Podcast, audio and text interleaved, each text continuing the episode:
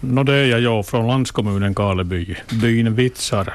Så där tillbringar jag då barndomen och, och, och ungdomstiden på det sättet. Fiska i Perho och hade annars roligt. Mm. Och de ränderna de går aldrig ur? Nej, folk brukar säga när de lyssnar på mig så att det hörs och känns. du bor ju i, i Korsholm sedan hur många år tillbaka? Jag var i Korsholm sedan december 2011. Mm. Men ofta får du hem till Vitsar hälsa på? No, jag har, mamma lever fortfarande, hon är 90 år och, och är där på det här serviceboende på, på Honkaharju. Så jag var senast där nu i, i just före veckoslutet. Så. Mm. Hördu, vad vill du berätta om din ska säga, barndom och uppväxt mera? No, hördu, det finns nog så, så mycket att, att, det här att, att berätta. Jag har haft tur i livet, för jag har haft en omgivning med människor som bryr sig och, och har, har, lärt mig att man ska bry sig. Det har varit en av de här. Sen kommer jag ihåg förstås gamla folkskolläraren Arne Rebb som lärde oss läsa och lärde oss, jag blev intresserad av historia när han läste Iliaden åt oss. Oh. Och det, Läste han den på, på hexameter rent av, eller ja, var det prosa? Nej, nej, men han, han hade en, en lässtund åt oss två gånger i, i veckan. Ja. Det här. och sen började jag läsa som väldigt ung, redan innan jag fått i skolan, så jag läste eh, Vitsar folkskolas eh, skolbibliotek tomt andra året jag gick där. Och sen kommer jag ihåg att mamma och pappa tog mig till stan och eh, fick komma in på stadsbiblioteket det fanns det här gamla trähuset där bredvid kyrkan. Och jag tror att jag aldrig har varit så lycklig när jag såg så många böcker som jag såg då. Oj, oj. Och läslusten har nog hållit i sig. Nu förstås under senare år så har jobbet tagit så mycket tid att, mm. att man ströläser mera och, och så den mest facklig litteratur. Är du en sån som, som måste läsa några sidor för, en, för att du ska kunna somna? No, alltså jag har nog en bok som jag ser på varje kväll egentligen. Och sen lite beroende på, på tidpunkten och hur man orkar så, så försöker man då ta det här in den där boken. Så jag har nu egentligen två på, på soffan och på nattduksbordet. Det ena är det här KG Olins sista. Ah. Och sen det andra är då Yuval Harare Homo Deus. Och, och det här, han berättar ju då om sin tro på mänsklighetens framtid. Mm. Hur, hur är det? Du läser, du, läser, du läser riktiga böcker. Har du testat på det med att läsa e-bok? På tal om teknik och sånt, det är ju aktuellt inom hälso och sjukvård också. Hör du, jag har det här, jag har både och. Men jag har haft den principen nog att, att det här, de här böckerna som är viktiga för mig ska sen finnas i pappersformat i hyllan. Problemet är bara det att jag flyttar så ofta att, att man hamnar och sorterar ganska, ganska vilt i det här. Så jag har nog också en, en Kindle och så läser jag Kindle från iPaden och sen på padden dessutom alla de här programmen som då finns. Ja, ja. För att göra en sista litteraturfrågan, vilken mm. är den bästa bok du någonsin har läst? Ja. Som, som du aldrig vill skiljas från. Ja, du, nu, nu, nu, det här, nu, nu kastar du nu ur någonting svårt. Det som jag minns bäst, jag ska inte säga den bästa mm. boken, det som jag minns bäst. 17 år och på första Roy's Rock och så låg vi i det här i tält och lyssnade på rock'n'roll och så hade jag en bok av Krishnamurti. Oh. Lite filosofi och, och det här. Det öppna sinne tyckte man då i de åren. Ja. Hördu, vi ska, vi, nu gled vi in på musik. Nu ska jag grilla dig lite på det också. Vad lyssnar du på? Jag lyssnar nog på allt. Att det här, man är uppfödd under rock'n'rollens tid och, och det här, så det fastnar i huvudet. Sen eh, ett litet avbräck här på 80-90-talet kanske man var i de aktiva åren. Inte följde med musiklivet så noga. Och nu ju äldre man blir så, så det här så har den klassiska musiken kommit in och sen dansbandsmusiken. Naja. Så att det är det här. Jag hade en arbetskamrat som nu är i pension men vi körde bil i Norge och så, så det här spelade country. Och så satte han på mera volym och sa att enkel musik för enkla karlar. Raka budskap och så, så vidare. Ja. Okej, bra. Hör du Göran, du berättade här att du, no, du, är en, du, är en, du är en läsare och du fick lära dig om att att bry sig redan i, från barnsben och så vidare. Och det, det har du kommit in på här i, i yrkeslivet, vad det lider, men det var ändå rätt så teknisk skolning du sökte dig till. No, så var det ja, för att det här, när man blir student ska man ju sen söka till, till flera platser och, och, på något sätt så var inte det här med Åbo aktuell utan flera av oss sökte oss till, till Helsingfors och så var det antingen medicinska och eh, Tekniska högskolan mm. i, i Otnäs. Och säkert på det sättet att eh, det var flera av frågorna till medicinska var sådana att man skulle sätta kryss i rutan och satte man kryss på fel ställe så fick man minuspoäng. Och, och, och jag var ju snabb så jag kryssade fort och det här så, så blev jag en, en halv poäng ifrån att komma in, in på medicinska fakulteter. Så blev det tekniska högskolan istället. Så att min första akademiska examen är då från bygna, byggnadstekniken. Mm.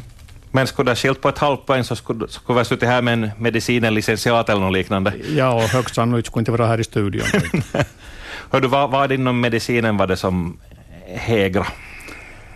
No, nog var det kanske då ren, ren det här tanken på att få, få det här hjälpa, hjälpa människor. De facto var det på det sättet att det här, vi var fyra kamrater i, i gymnasiet där vår eh, religionslärare Magre Gedda sa att, att, det här, att vi borde bli, bli präster. Vi var så svåra att, oh. att debattera. Och de tre som var då värst att debattera, det blev någonting annat. Och det här, den som då blev präst, som, som hade mera filosofiska tankar, var Tor Erik Store och, och, och, och okay. var den enda som blev, blev präst av gänget. Ja, ja.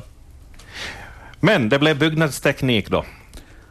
Det blev det och, och på den banan då in i, i det här i, i företagslivet, så de finska storföretagen eh, så också väldigt mycket med exportprojekt åt alla, alla möjliga håll.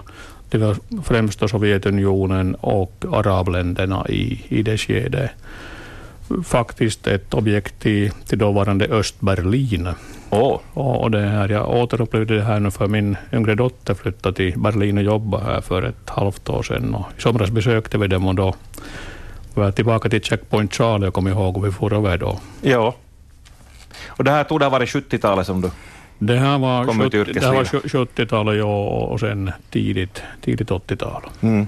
Då levde östhandeln, den blomstrade. Då levde östhandeln som bäst, ja. Det var fått vara med både i, lite i Svetogorsk men, men sen väldans mycket i det här i Kostamos också. Ja just det, det är ju välkänt. Så är det. Mm. Hör har du, hur många företag har du jobbat på under åren? Jag har inte ens räknat. Det har nog blivit flera och, och sen har jag ju då hamnat som styrelsemedlem och ordförande också i, i, i många, många företag. Så nu börjar det kanske vara ett 20-30-tal totalt. Mm. Är du en sån som gärna söker dig till förtroendeposter eller märker folk att Göran, han skulle nog passa till det här?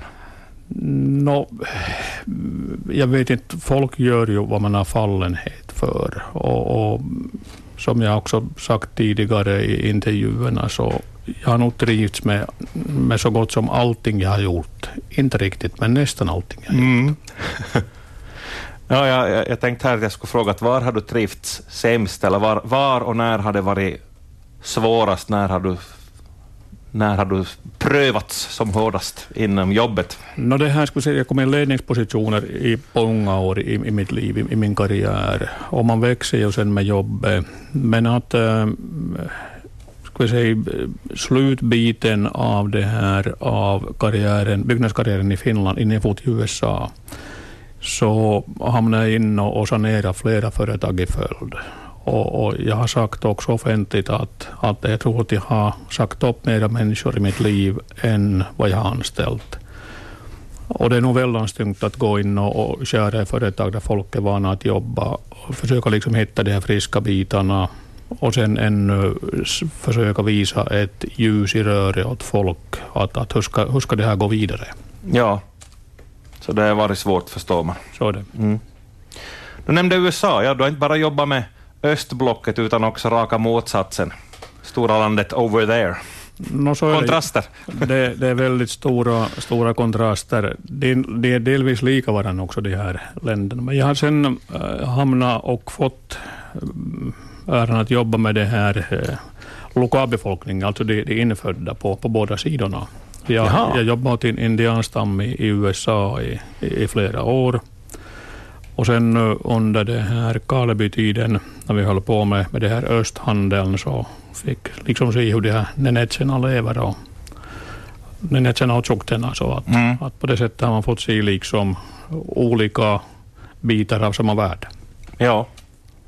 Ja, Karleby, hur var det? Blev du, blev du headhuntad till Karleby eller? No, det var på det sättet att, att det här, jag drog igång ett äh, projekt åt en indianstam på USAs östkust på gränsen mot Kanada. Och det tog tre år och, det här, och sen tog då kontraktet slut och så kom vi hem. Vi hade ett hus i Karleby och följande likadant projekt skulle det varit på Hokkaido på Japan.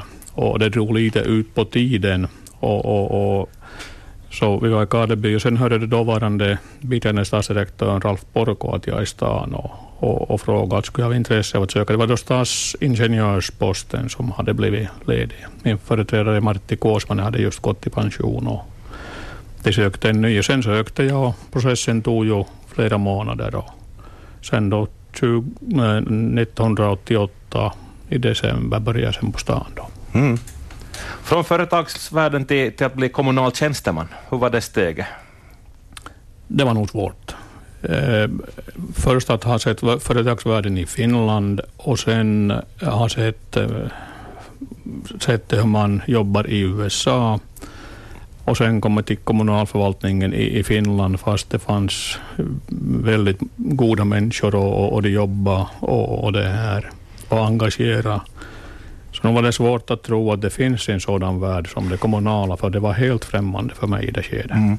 Byråkratin skvanar man långsamt och så är, det, så är det politik och demokrati och slitningar där. Eh, ja, på det sättet man hamnar ju lära sig ganska, ganska fort och sen då det här acceptera läge och det här, sen när man liksom såg att hur mekani, mekaniken fungerar där så, så kunde man lättare positionera sig och det är nog inte så dystert som vi fick att låta här i, här i inledningen, utan ja. det, här, det finns nog en, en grym dynamik där också. Mm. och, och, det här är en, en, en framåtanda. Det är bara det, det syns inte alltid för att det kanske det är i alla saker. Motståndarna hörs mer än de som kör en sak framåt. Ja. Men hur är du till lynnet? Är du, är du tålmodig och metodisk eller ska vara snabba ryck för Göran Honga? No, jag nog både och. I, I unga år var jag oerhört snabb om jag kort och gott säger... Som vid det här förhöret i medicinska? jag, var, jag, var, jag, var det här, jag var för snabb. Men sen, man lär, lär ju sig med åren och det här... Nu tycker jag om att det händer, mm. men man har lärt sig med åren att, att varje sak har sin egen tid. Och, och det har nog varit en nyttig lärdom. Ibland har jag kanske lite känts i bakhuvudet, men att ja. så är det. Men du Karleby, där var du bland annat med och utvecklade hamnen. Den är ju blomstrande kan man säga. Jo, det var det. Och det, om man nu funderar på vad man har fått uträtta i livet så, så vi råkade då ett sådant gäng i, i Karleby som, som såg ärende på samma sätt. För det första var det biträdande statsdirektorn Ralf Porko som, som var oerhört framsynt och, och ville på. Och sen fick vi ju då, då var det statssekreteraren Eero Mäki blev hamndirektör och så var det då chef för tekniken och, och för utvecklingsverksamheten. Så att vi reste ju då i åratal med Eero Mäki och vår tolk eh, Vladimir Frolov i, i dåvarande Sovjetunionen och sen i, i, i Ryssland. Och det är och sålde in Karleby hamn och, och när man nu ser vad idag så kan man bara vara nöjd med att det blev så bra som det blev. Mm. Hördu, var, var är Karleby nu riktigt i ranking om man räknar miljo, tusentals ton som går via hamnen i, i, i landet? Karleby, det är fjärde eller femte för tillfället. Så att de har kommit upp sig, upp sig det här väldans och, och, på det sättet också byggt operationerna till, till företag i, i nuvarande Ryssland. Så mm. att det faktiskt fungerar. Och du har bra koll på hemstaden ännu? Nu följer jag med för som att mamma, mamma lever ännu i, i Karleby, jag är där ofta. Och, och sen om man vet om man vill veta hur världen ska vara så förr hade, hade vi ju Café Norrbaggen. Sen hade vi det här Solle Keles bar som nu har då ändrat namn där i torghörnet. Men får man dit så berätta nog gubbarna åt en att, att hur världen ska skötas. Ja, ja. Men hördu Göran, hur gick snacket där då du tog det här oerhörda steget sen att en Karlebo-pojk blir stadsdirektör i Jakobstad? För det hände sen. Ja, det, kanske, det, det är censurbelagt. Men där var du några år. Där var jag flera år och, faktiskt, jag trivdes ju i Jakobstad. Eh, Väldans, eh, Jakobstad är ju mera svenskt än, mm. än, än det här en, en Kaleby. Det är liksom två skilda, skilda världar. Och inte hade jag en tanke på att bli direktör för sjukvårdsdistriktet, men jag råkade sitta i distriktets styrelse som en av de här utsedda då från Jakobstad och, och, och sen när det blev aktuellt att välja direktör så efter några var blev det tillfrågat att jag skulle söka och, och det gjorde jag. Och så tog valprocessen sin, sin korta stund och sen dess har jag varit då på, mm. på distriktet och jag har trivts varje dag. Jag sitter här och pratar med Göran Honga som eh, är i beråd att gå på en lång, lång semester in, fram till den egentliga pensioneringen. Hör du, vi, vi befann oss i Jakobstad där du var stadsdirektör. Vad var det som fick dig att att lämna det jobbet och söka dig till sjukvårdsdistriktet? No, det var faktiskt på det sättet att, eller trivdes bra i Jakobstad, men jag satt som Jakobstads representant i styrelsen för sjukvårdsdistriktet. Och sen blev det då aktuellt att välja en, en ny direktör när föregående gick i pension. Och, och det här. Jag blev då ombedd att söka några gånger.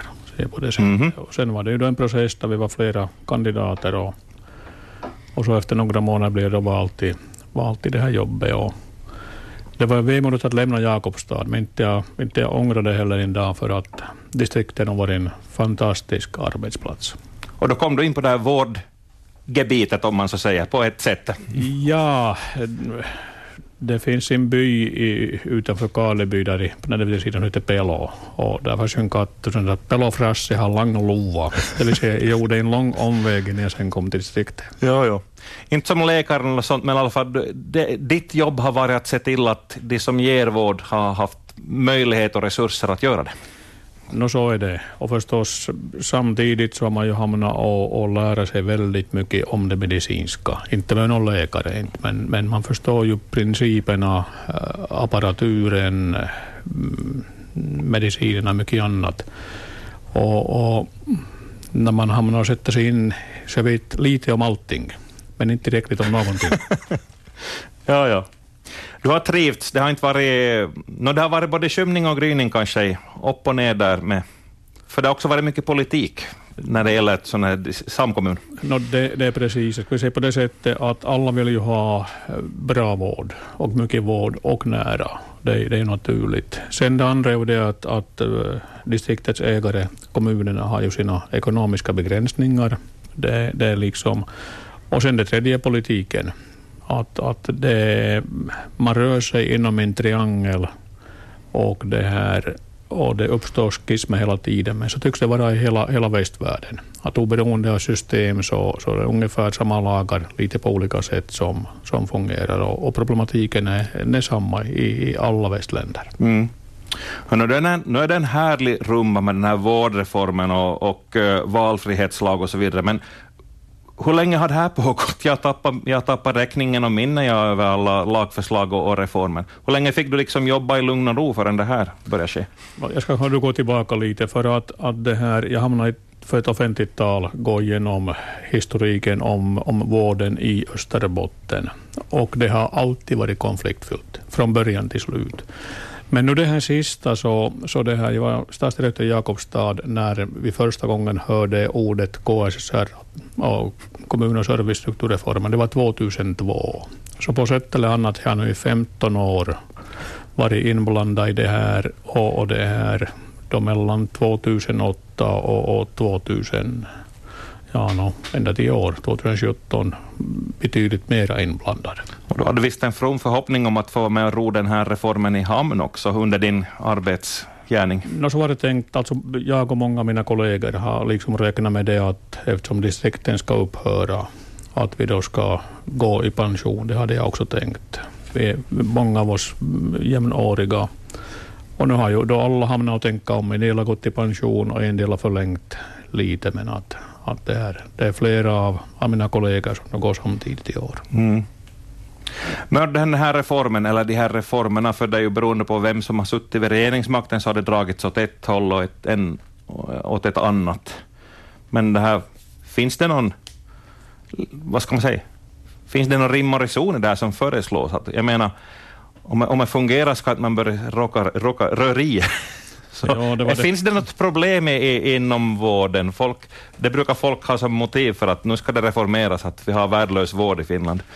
Eller ja. jättedålig, inte värdelös. Men. Ja, alltså om jag går tillbaka till utgångspunkterna, ungefär mm. till, till 2008, så då var ju liksom målsättningen var ju god.